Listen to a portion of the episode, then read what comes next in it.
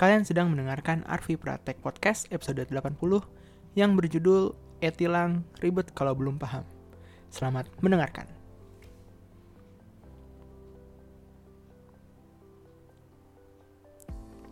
Halo semuanya, apa kabar?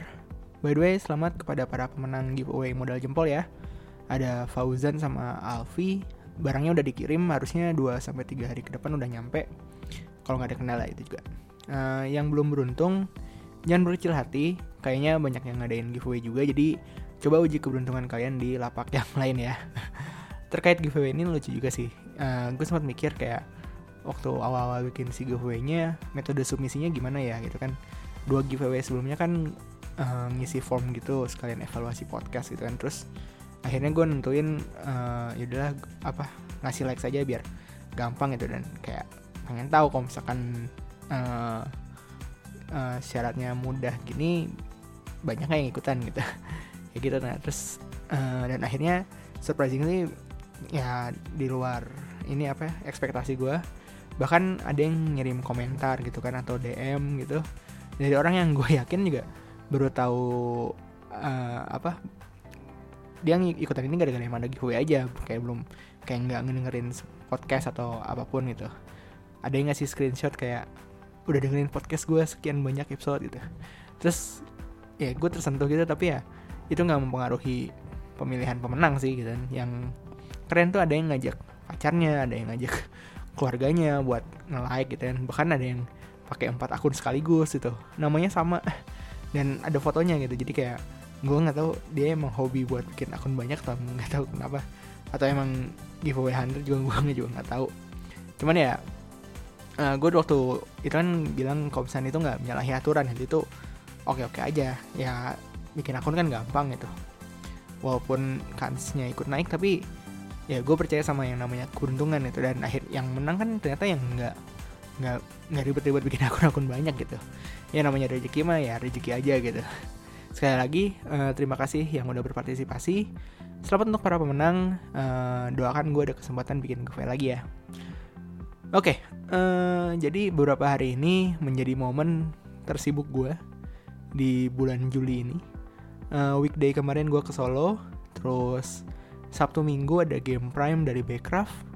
Hari Minggu ada workshop kreatif gitu. Terus MacBook Air gue masuk UGD. dan gue juga harus ngurus SIM karena waktu itu gue sempat kena tilang jadi uh, sebenarnya gue udah pernah mengalami sidang tilang dua kali di Depok. Kalau dulu tuh uh, cukup pusingin sih. Jadi apalagi kalau misalnya baru yang pertama kali ya. Jadi kalau zaman sebelum ada ad tilang ini itu tuh begitu nyampe kejaksaan kita harus nyocokin nomor resi tilang sama nomor yang ada di papan gitu. Udah nyocokin uh, baru kasih ke loket pendaftaran setelah itu nunggu dipanggil nanti dibacain. Uh, pas waktu udah dipanggil ya uh, ntar dibacain kesalahannya apa aja kenapa salah apa aja denda berapa habis itu bayar di sebelah setelah bayar simnya baru bisa diambil nah untuk yang model sidang-sidang kayak gini sih gue dulu udah pernah udah tau lah caranya satinnya gitu yang tips yang paling ini sih ya jangan datang kepagian gitu datang aja jam 9 atau jam 10 Kenapa? Karena sidang tilang itu kan uh, setiap hari Jumat ya. Uh, terus sebelum Jumatan tuh biasanya udah diberesin. Jadi kalau misalkan datangnya rada siang itu jam 9 atau jam 10, itu tuh nanti tuh dipanggilnya tuh langsung kolektif. Sekali panggil 30 orang, jebret, uh, denda 30 ribu katakanlah seperti itu. Tiga, semuanya dapat kena denda, denda 30 ribu bayar 30 ribu terus beres jadi kayak kalau misalkan pagi-pagi tuh masih dipanggil satu-satu jadi beresnya lebih cepat kalau misalkan datang rada siang gitu Nah, yang sekarang rada beda itu uh, kan namanya berubah jadi e-tilang kan. Sesuai namanya ya berarti ada peran elektronik di sini. Gue sendiri kena tilang di daerah Senayan beberapa hari setelah Lebaran. Uh, terus ya setelah kena tilang itu terlihat si polisinya nulis-nulis di surat tilangnya, terus si polisinya juga minta nomor HP gitu kan. Nah ini kasih yang beneran aktif ya.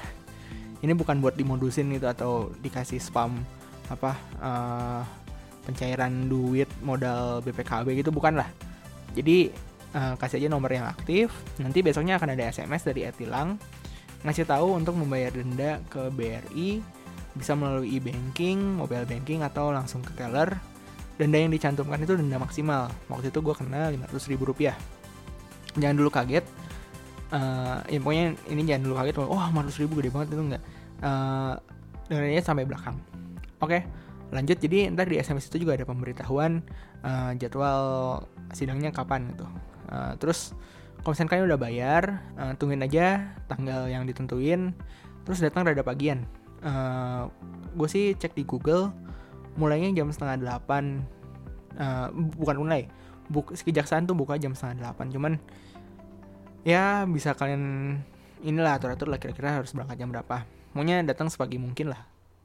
Uh, karena gue kena tilangnya di daerah pusat gitu ya di Jak Jakpus.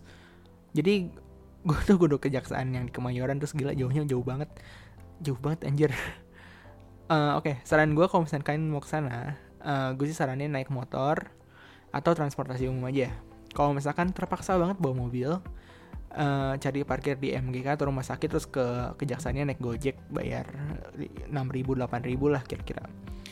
Karena wilayah lah apa wilayah di sana tuh lahan parkirnya tuh dikit atau bahkan mungkin ya bisa dibilang nggak boleh parkir banget di sana gitu. Dan kalau misalnya parkir sembarangan bisa diderek sama dishub.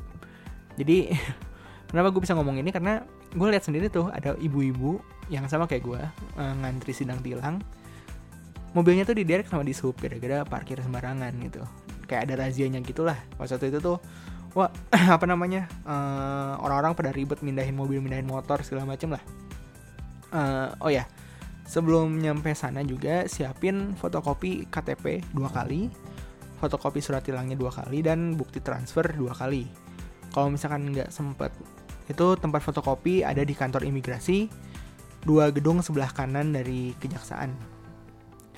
Oke, nah eh, proses di kejaksaan ini lebih simpel dibandingkan pas aku tuh zaman gue dulu, zaman sebelum etilang gitu kan. Nyampe sana langsung antri untuk dapat nomor urut, kasih si berkas tilangnya ditukar sama nomor urut, berikutnya tinggal nunggu dipanggil aja tuh.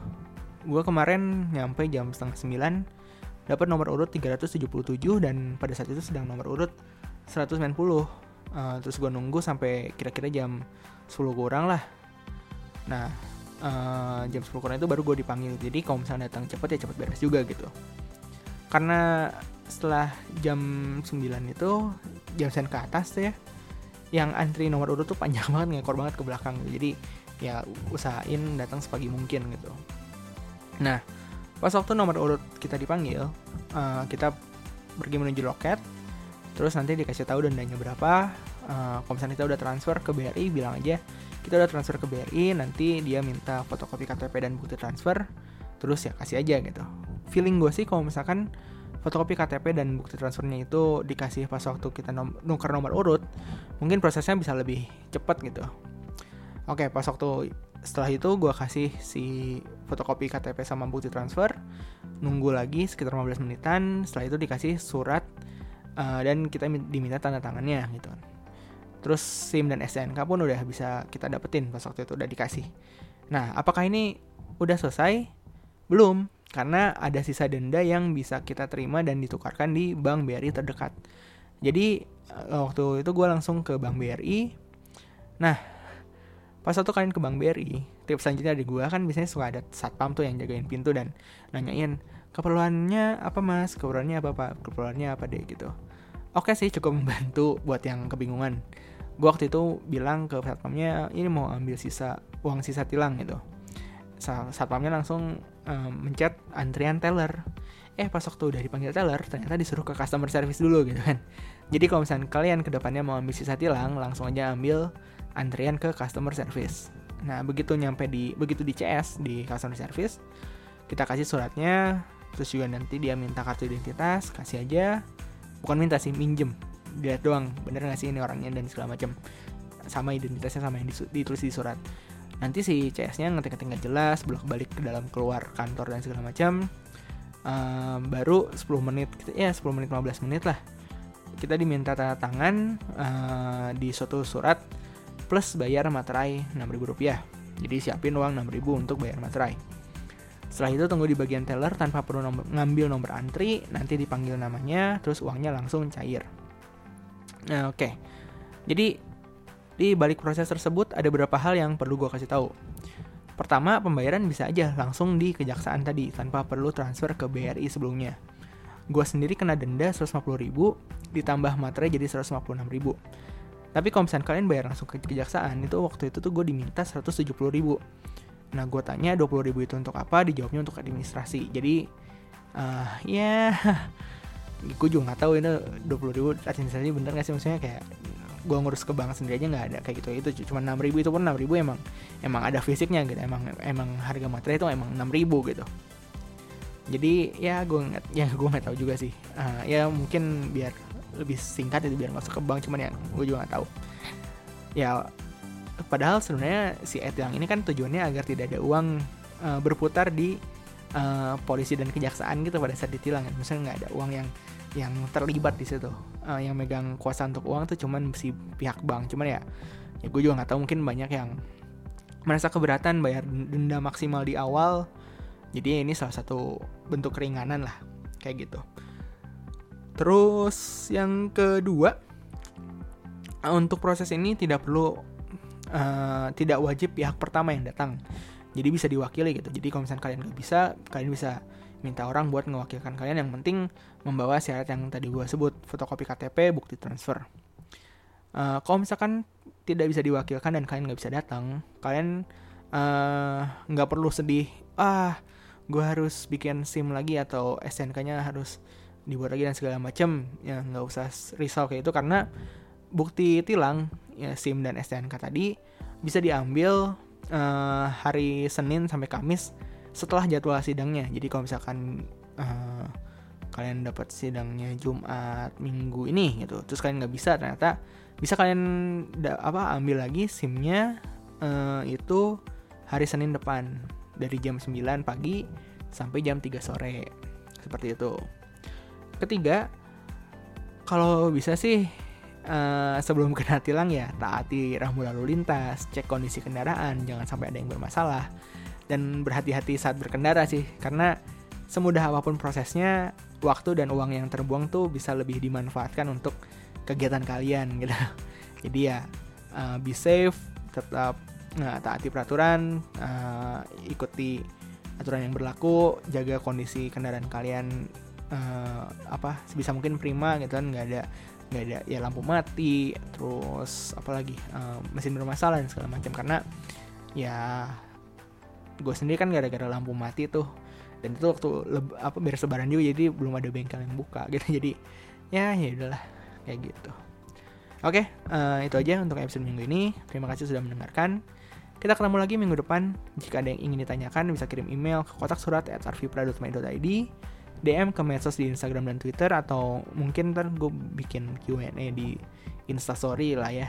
Uh, ya itu itu aja. Semoga aktivitas kalian menyenangkan dan dadah